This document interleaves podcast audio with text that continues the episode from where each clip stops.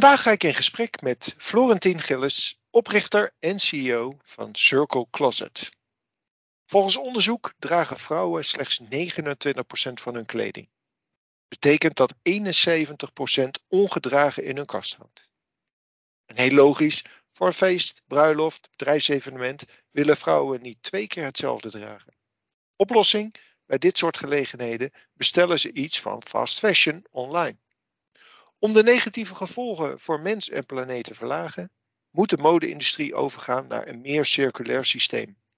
In plaats van het keer op keer produceren en kopen van nieuwe modeproducten, biedt Circle Closet een oplossing die consumenten de mogelijkheid biedt om minder te bezitten, maar meer te ervaren. Mode huren in plaats van nieuw kopen. Welkom Florentien. Um, Voordat we straks uh, in gesprek gaan, kun je wat uh, uh, vertellen over jezelf en Circle Closet? Zeker.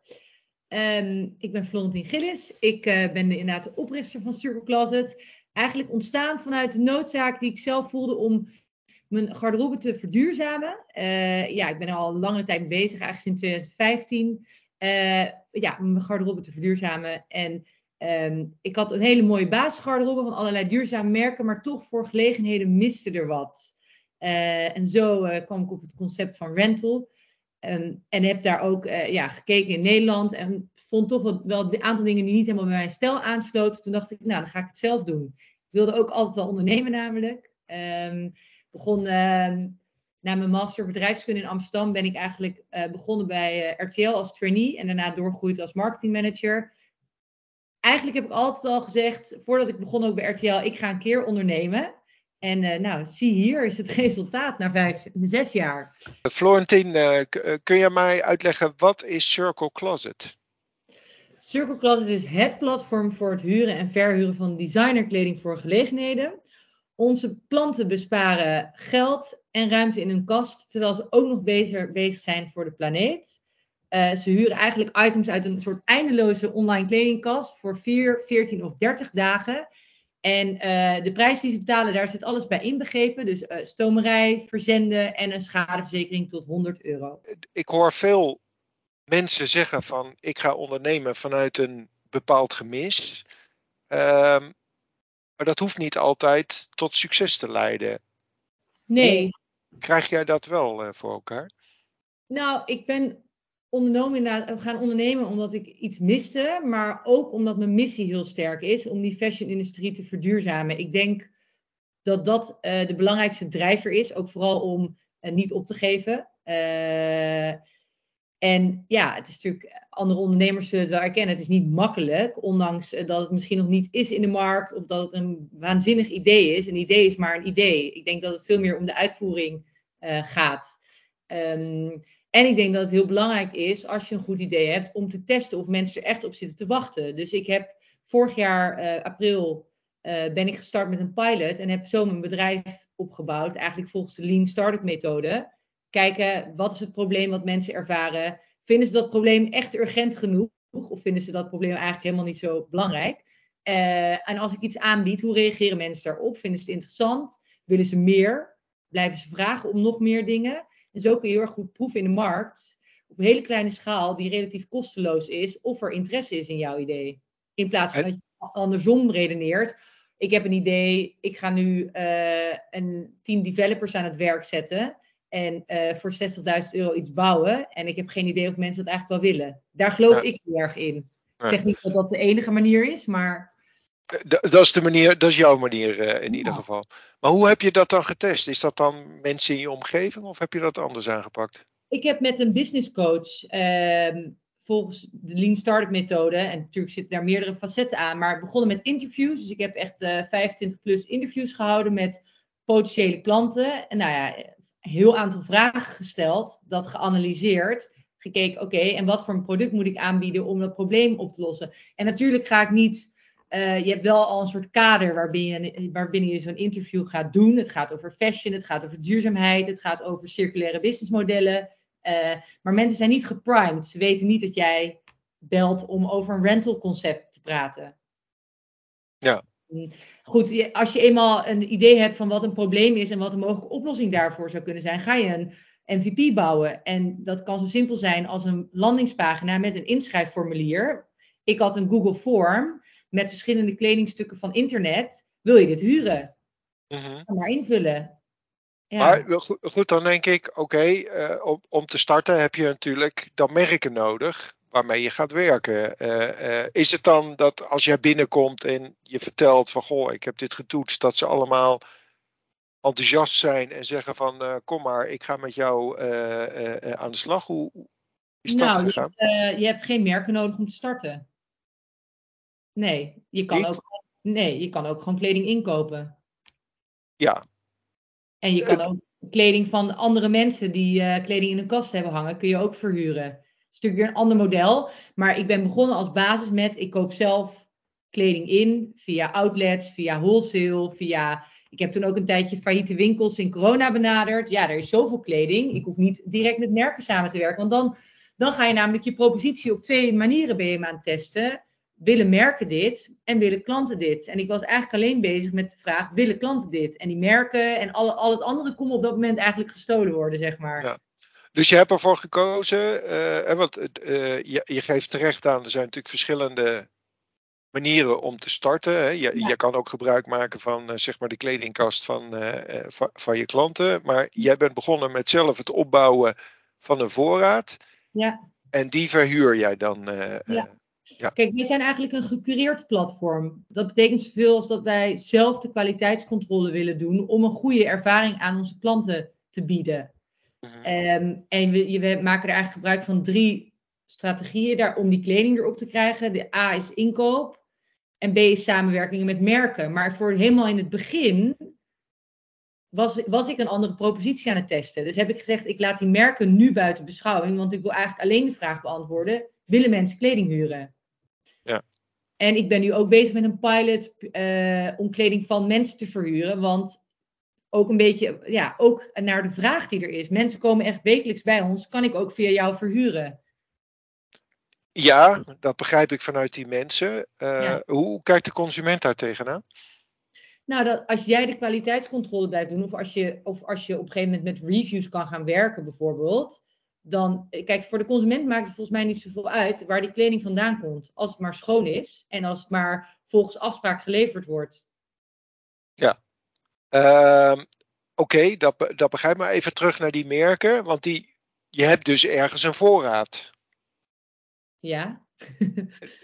En hoe, hoe, is dat, hoe heb je dat geregeld? Eh, is dat bij jou thuis? Heb je ruimte daarvoor? We hebben een, een showroom eh, en kantoor in Amsterdam.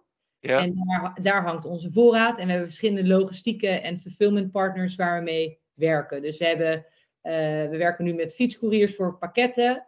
Eh, en we werken met een Dobby voor stomerij. Dus we hebben eigenlijk een, een, ja, een logistiek, logistiek systeem gebouwd rondom de kleding. En daarbij letten we eigenlijk op een aantal dingen, waaronder duurzaamheid. Vandaar ook dat we met fietscouriers werken. Eh, en Dobby, die, ja, je kan nu een hele college gaan geven over stomerijen, maar je hebt verschillende stomerijmethoden. Een aantal zijn ook eigenlijk gewoon verboden bij wet. Maar wij werken met de meest duurzame optie die er nu te vinden is in Nederland. Ehm, En nou, je let dus op inderdaad de haalbaarheid van de logistiek, de prijs en dus de duurzaamheid vinden wij ook een belangrijk aspect. Want hoe, hoe bepaal je dat dan? Eh, je, je moet ergens een, eh, eh, een huurprijs eh, eh, eh, kunnen bepalen. Is dat gewoon ja, een rekensommetje maken? Hoe heb je dat aangepakt? Nou, ik denk dat de huurprijzen nog een heel interessant speelveld gaat zijn. Want rental is nieuw voor consumenten. Dus Mhm. wat vinden consumenten het gevoelsmatig ook waard? Dat is natuurlijk heel interessant om mee te gaan testen. Uiteindelijk heb je natuurlijk je vaste kosten. Daarom is het volgens mij ook alleen interessant om kleding uit het hogere segment te verhuren. Anders zijn de vaste kosten veel te hoog ten opzichte van, eh, de, varia of, nou, van de kosten die, eh, die je voor het kledingstuk kan vragen. Maar onze rentalprijs ligt ongeveer eh, op, ja, even afhankelijk van hoeveel dagen, tussen de 15 en de, ehm, eh, en de even kijken hoor, 15 en de 30 procent Ja. van de retailprijs. Van de retailprijs. Ja, Ja. eh, ja. En dan heb je het voornamelijk inderdaad eh, over, over feestkleding of eh, voor evenementen. Of gaan jullie breder? Eigenlijk ehm, proberen we heel erg in te spelen op de Nederlandse cultuur. Je ziet in Amerika dragen mensen echt nog gala-jurken. En in Nederland heb je eigenlijk dress up, dress down. Dus het moet, het moet niet te over de top zijn. Alle stuks die wij verhuren kun je casual chic of wat. Het ligt aan hoe je het combineert. Uh, we proberen eigenlijk heel erg die Franse casual chic stijl neer te zetten.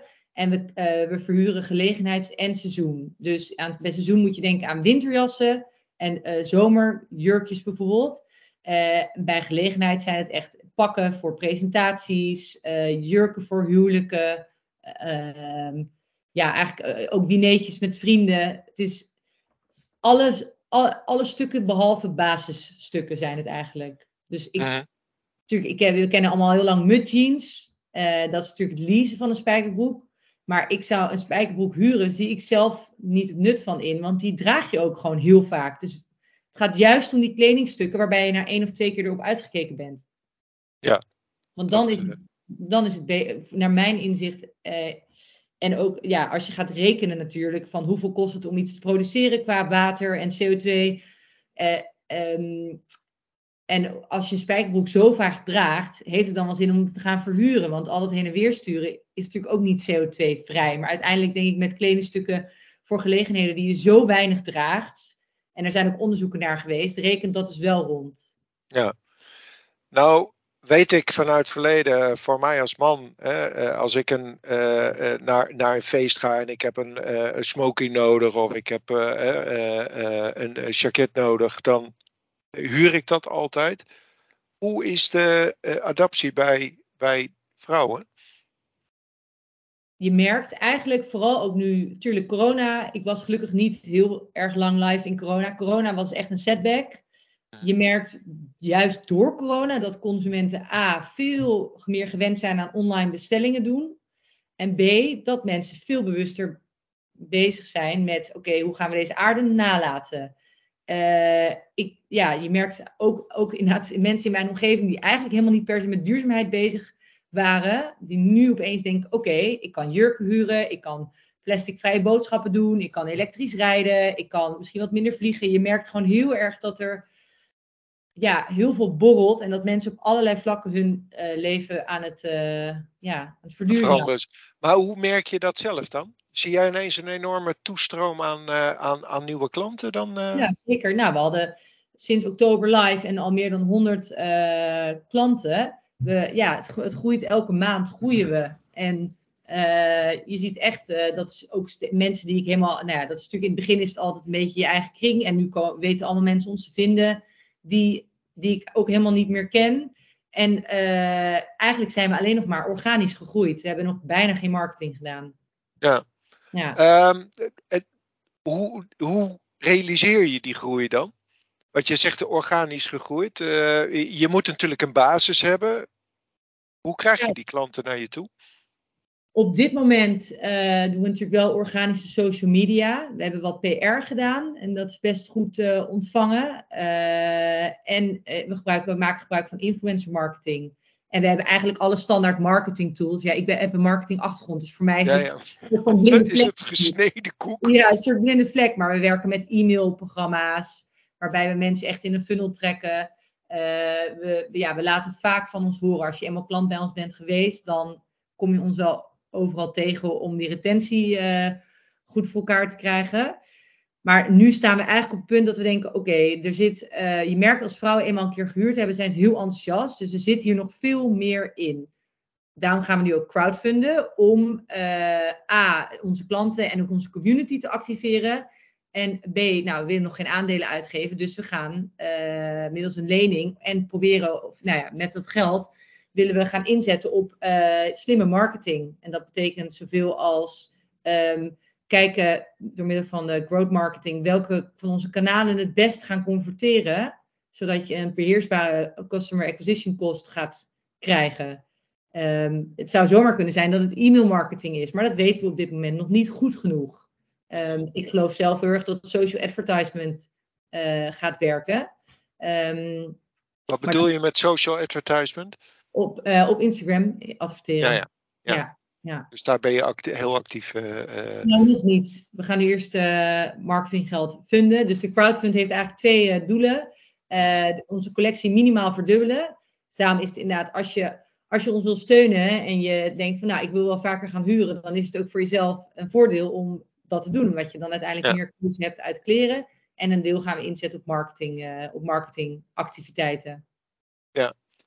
Um, nu is er een enorme discussie over privacy en daarmee uh, het verbod wat er aan zit te komen uh, op third-party cookies. Is dat iets waar jullie mee doen, mee, mee, aan de slag zijn? Is dat iets wat jullie gebruiken om uiteindelijk je groei te realiseren? Dus de platformen, de, de, de informatie die een Google, een Facebook aanlevert over, op uh, doelgroepen die jullie dan op die manier kunnen targeten? Of maken jullie echt gebruik van eigen data? Nou, ik denk, uh, kijk, social advertising is een deel van je marketingstrategie. Natuurlijk gaat dat wel impact hebben, maar je hebt ook uh, je eigen data die je kan retargeten. Dus als je op, op andere manieren veel verkeer naar je website kan leiden, kan je ook daar weer die data wel in ieder geval gebruiken. Ja, en eh, even fysiek terug naar, hè, wat je had het erover, uh, de ervaring is toch door corona dat mensen makkelijker hè, eh, via internet spullen bestellen en kijken.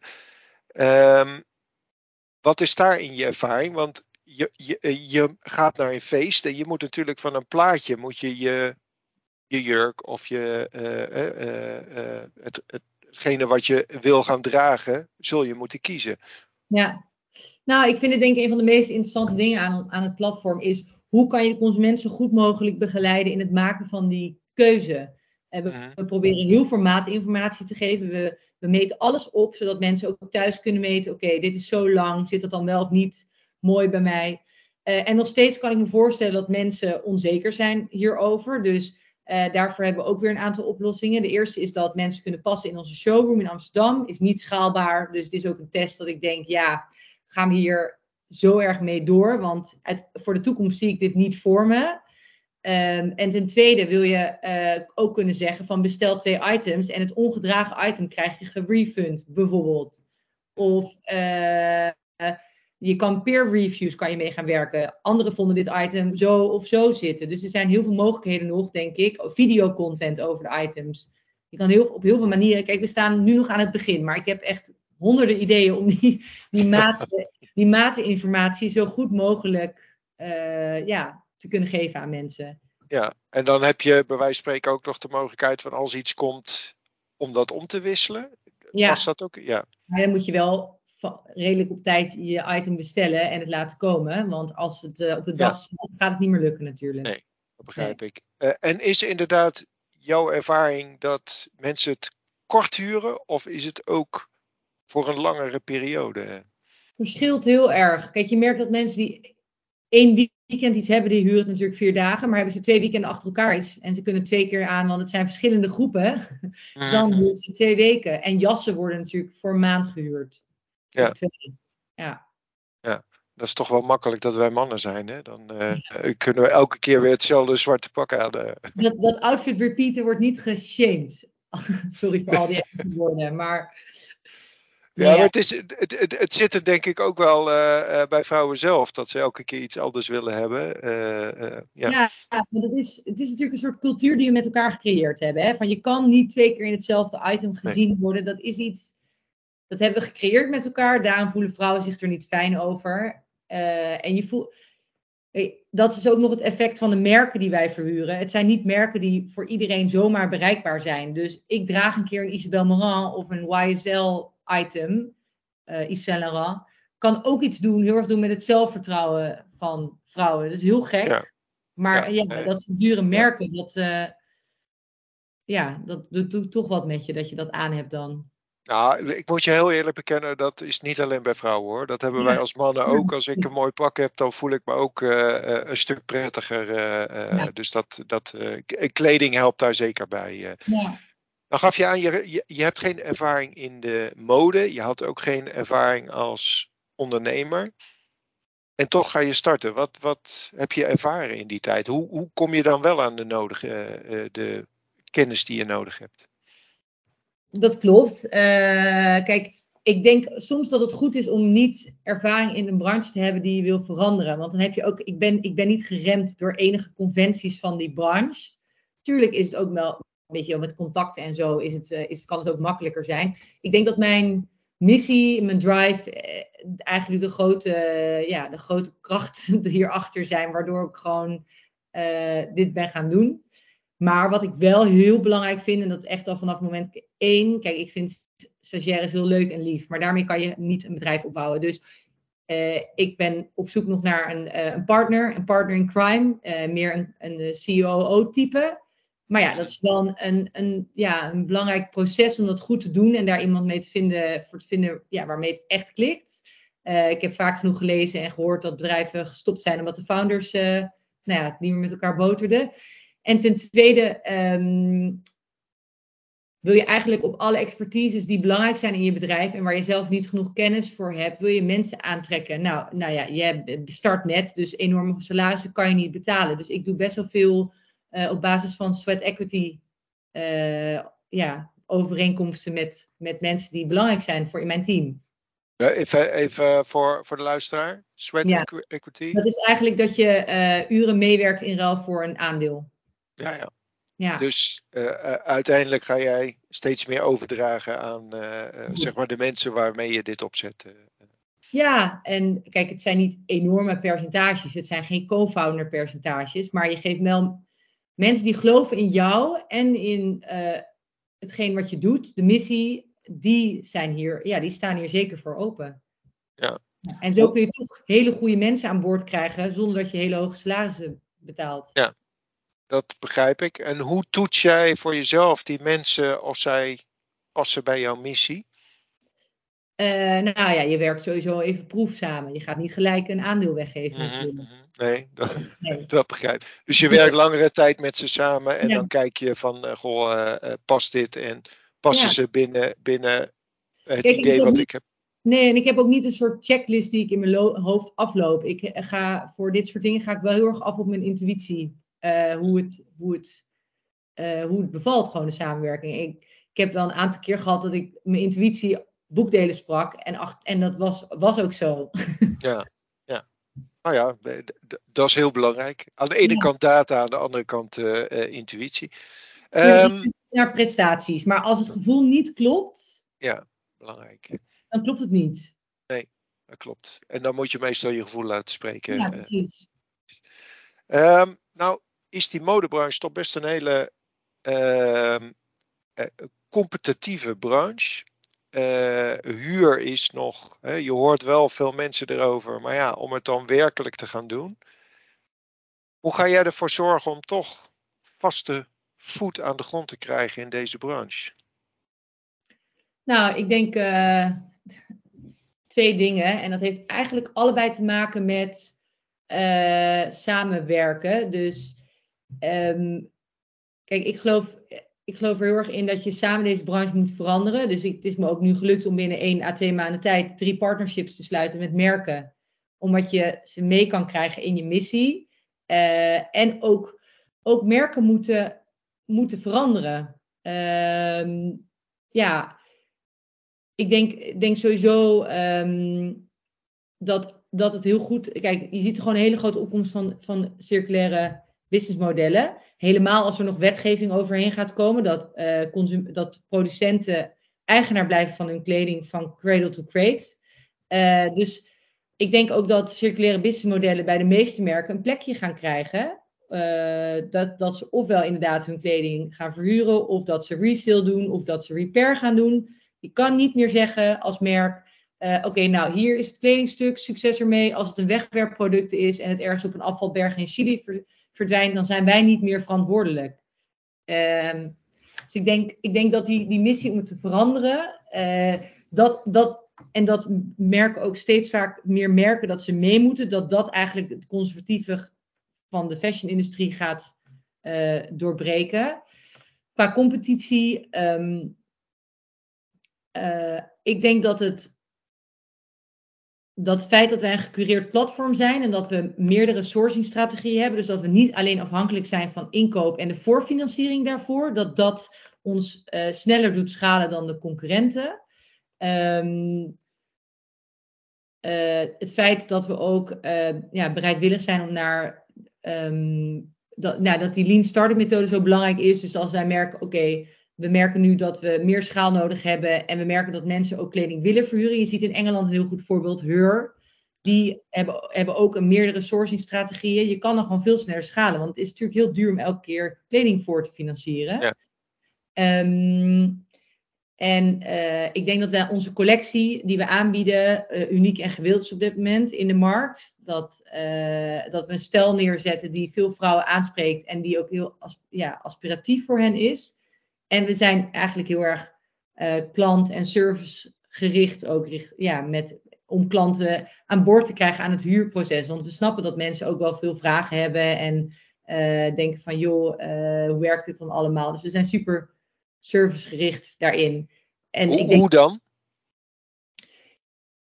We zijn, um, we, nou ja, we, we, mensen kunnen bij ons bestellen en dan wordt het gelijk de volgende dag geleverd. Uh, de, de retour kan weer thuis worden opgehaald. We, inderdaad, we, we kunnen twee stuks opsturen en dan heb je eentje, wordt gerefund. Dus we hebben allerlei dingen. We willen same day delivery in Amsterdam gaan aanbieden met de fiets. We hebben allerlei ja, manieren om uh, super klantgericht te werken. En we zijn met klantservice ook uh, heel ja, tegemoetkomend om mensen uh, ja, aan boord te houden als ambassadeur, zeg maar. Ja, daar heb je dus iemand voor zitten die, hè, want ik kan me voorstellen dat dit inderdaad uh, uh, veel vragen oproept. Dus, en ja, je geeft zelf, je moet mensen over een bepaalde drempel heen helpen. Ja. Doe je dat nog zelf? Of? Nee. Nee, dat, nee. nee. Nee, ik heb uh, nu een aantal ja, op, wel operations mensen aan boord die dat natuurlijk die dat gaan, die dat doen inderdaad. Ja. ja. ja. En uh, nog even terug wat jij zei. je bent begonnen met zelf kleding kopen, maar nu ben je dan met de volgende stappen dat je zegt van wij gaan partnerships aan met, met bepaalde merken. Ja, toen ik eenmaal genoeg zekerheid had dat mensen graag wilden huren, dan ga je kijken, oké, we hebben nu geïnteresseerden, hoe gaan we die collectie zo snel mogelijk, zo groot mogelijk krijgen? En ik denk dat partnerships met merken daar ook zeker een uh, uh, ja, sleutel tot succes is, zeker. Ja. ja. En je merkt dus nu dat bedrijven daar meer voor openstaan, omdat er ja, de, de, de maatschappij, de regelgeving daarin aan het veranderen is. Eh. Ja, ja. Dus ja, ik, nou ja, we natuurlijk hebben ja, een aantal partnerships nu binnen relatief korte tijd gesloten. Terwijl uh, mensen daar eerst niet echt, nou, weinig voor open stonden volgens mij. -hmm.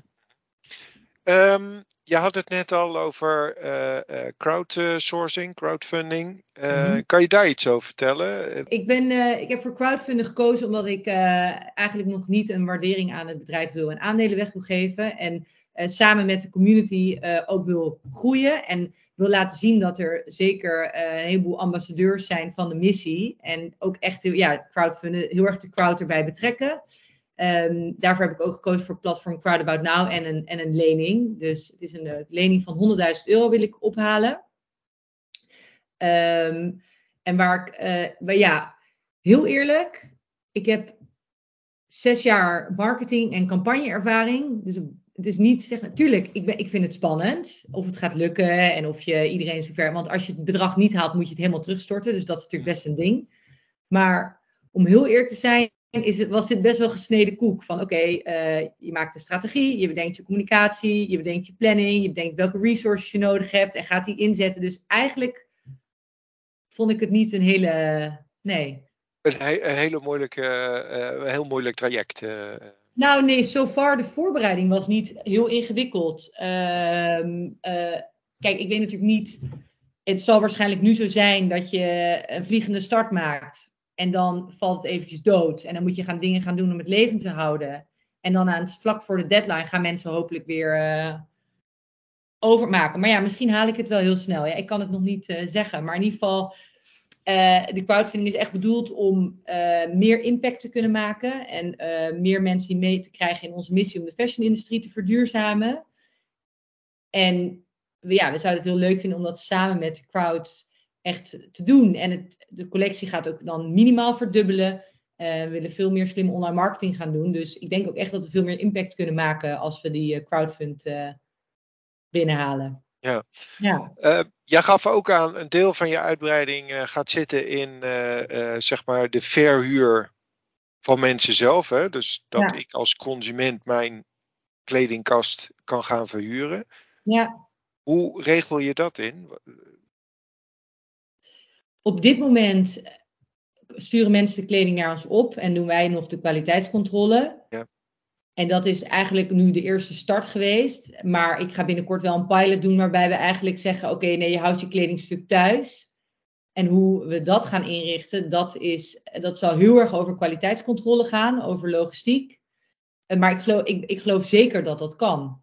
Uh, Maar dan moet je bijvoorbeeld ook met reviews gaan werken en mensen van je platform afknikkeren die niet leveren. Ja, ja. Dan krijg je dus een heel ander aspect krijg je erbij uh, in, ja, dus het creëren van, je, uh, van je voorraad. Ja, maar ik geloof daar wel in. A, omdat je dan een schaalbaar concept hebt wat betreft voorfinanciering. Veel meer naar een platform kan toegroeien. ook echt de noodzaak hebt om bijvoorbeeld een app te gaan bouwen. En, um, en mensen hebben ook gewoon heel veel kleding in hun kast hangen. Ja. ja. Die ze niet per se willen verkopen, want ze willen het misschien nog wel een keer aan. Dus ik geloof heel erg hierin. Alleen, uh, ja, wat ook bij ondernemen komt kijken, is volgens mij focus. Mijn eerste focus was aantonen dat mensen willen huren. En nu wil je schaal maken in het platform. Waar, en is, is, uh, met merken is de kwaliteitscontrole nog uh, hoger natuurlijk. Want die kleding hebben wij gewoon in beheer. En peer-to-peer -peer is natuurlijk echt weer een nieuwe stap. Ja. ja. En, maar jij zei, je bent begonnen toch met het toetsen bij consumenten of eh, bij, bij uh, je doelgroep of jouw uh, idee of dat uh, levensvatbaar was. Heb je dat voor dat peer-to-peer rental ook gedaan? Nee, dat gaan we nog piloten dus. Dat ga je nog piloten. Ja, maar en ik moet eerlijk zeggen, het feit dat er wekelijks mensen naar ons toe komen dat ze het willen, geeft, geeft volgens mij ook wel aan dat er, dat er vraag is. Sowieso weet je natuurlijk al vanuit Vinten dat mensen geld willen verdienen aan hun kleding. Um, en nou ja, ik denk dat het eigenlijk best wel een mooie oplossing is. Kijk, in het allerbeste geval haal je de hele retailprijs uit je kleding. Hè? Als je het echt vaak gaat verhuren. Ja, ja. Nou, daar ben ik ook nog wel benieuwd. Heb je daarover nagedacht of heb je daar al een oplossing voor? Hè? De, dus na een aantal keer verhuur zal de kleding ook, denk ik, uh, uh, minder makkelijk verhuurbaar zijn. Wat ga je er dan mee doen? Nou, je moet sowieso aan de voorkant al kijken wat koop ik in of welke kleding staan er op het platform en is de kwaliteit daarvan hoog? Is het niet hele ingewikkelde kleding waar weet ik veel dingen uitvallen? Dus aan de voorkant zit er een check. Als je met stomerij werkt, zie je dat de kleding gewoon veel beter eruit komt dan dat je het gaat wassen met een machine. Dus ik denk kleding wordt gemaakt natuurlijk in eerste instantie. Nou nee, de meeste kunnen ook, kunnen ook alleen maar stomerij. Maar de, je kan gewoon veel beter de, de kwaliteit van de kleding hoog houden. Bovendien zijn wij verantwoordelijk voor de kleding. Dus als er iets kapot aan is, dan laten we het gelijk maken. En ik denk dat wij er zuiniger in die zin mee omgaan dan als consumenten het hebben hangen. Um, en ik moet ook eerlijk zeggen, we hebben de dus sommige stukken hebben we nu al meer dan tien keer verhuurd. En die zien er eigenlijk echt nog heel goed uit. Ja, ja. ja. Uh, er zijn verschillende rapporten, 20, 30 keer. Uh, en daarna kun je natuurlijk, je hoeft het niet te, te, um, te downcyclen. Je kan er misschien ook weer een nieuw kledingstuk uh, van laten maken door Makers Unite of dat soort partijen. Ja, duidelijk. Ja. Um, tot slot, als jij nou naar andere, richting andere mensen die dit verhaal hoor ineens geïnspireerd raken om uh, uh, ook ondernemer te worden. Wat voor tip zou je ze meegeven? Eigenlijk heb ik er twee. Ik weet niet of dat mag, maar. Natuurlijk. Uh, nou, de eerste is denk ik, die is heel erg persoonlijk. Ik heb eigenlijk altijd op het carrièrepad gezeten van in een grote corporate, management, management traineeship ook gedaan. kwam uit een familie waar geen ondernemers in zitten. dus automatisch hebben mensen bepaalde verwachtingen bij wat jij gaat doen. En dat is best lastig om jezelf daaruit los te wurmen, zeg maar. Dus uh, ja, en wat ik heel erg heb gemerkt, is als je door blijft zetten en mensen ook echt zien dat dit je droom is, dat mensen vanzelf achter je gaan staan. In plaats van, uh, nou, tegenwerken wil ik het niet noemen, maar wel, uh, ja. Kritisch zijn. Kritisch zijn. En mensen gingen steeds aan mij de risico's vertellen. Ja, ja.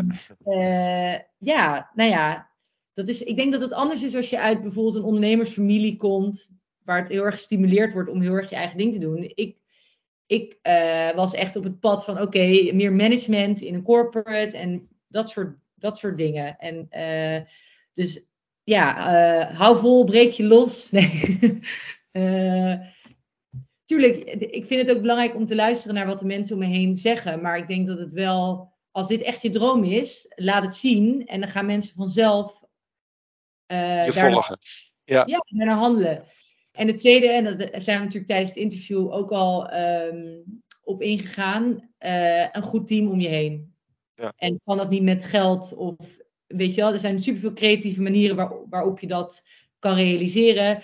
En helemaal met een missiegedreven bedrijf. Ik heb eigenlijk best wel vaak mensen die gewoon gratis met mij meewerken, sessies met mij willen doen, me adviseren. Ik heb mensen waarmee ik dagelijks spar, die gewoon baan hebben, maar waarbij we elkaar gewoon ook verder willen helpen. Dus uh, ik denk dat ik in mijn hele leven wel onbaatzuchtig mensen heb geholpen. En dat komt nu eigenlijk uh, een beetje terug of zo. Dus dat is heel mooi om te zien. Ja. Leuk toch? Ja. Mooie, mooie afsluiting. Uh, Florentien, dank voor, voor dit gesprek. Ik wens je heel veel succes uh, in de, de, komende periode. Uh, jullie ook dank voor het luisteren naar deze podcast. Voor andere podcasts verwijs ik je graag naar ing.nl. Florentien, nogmaals, dankjewel.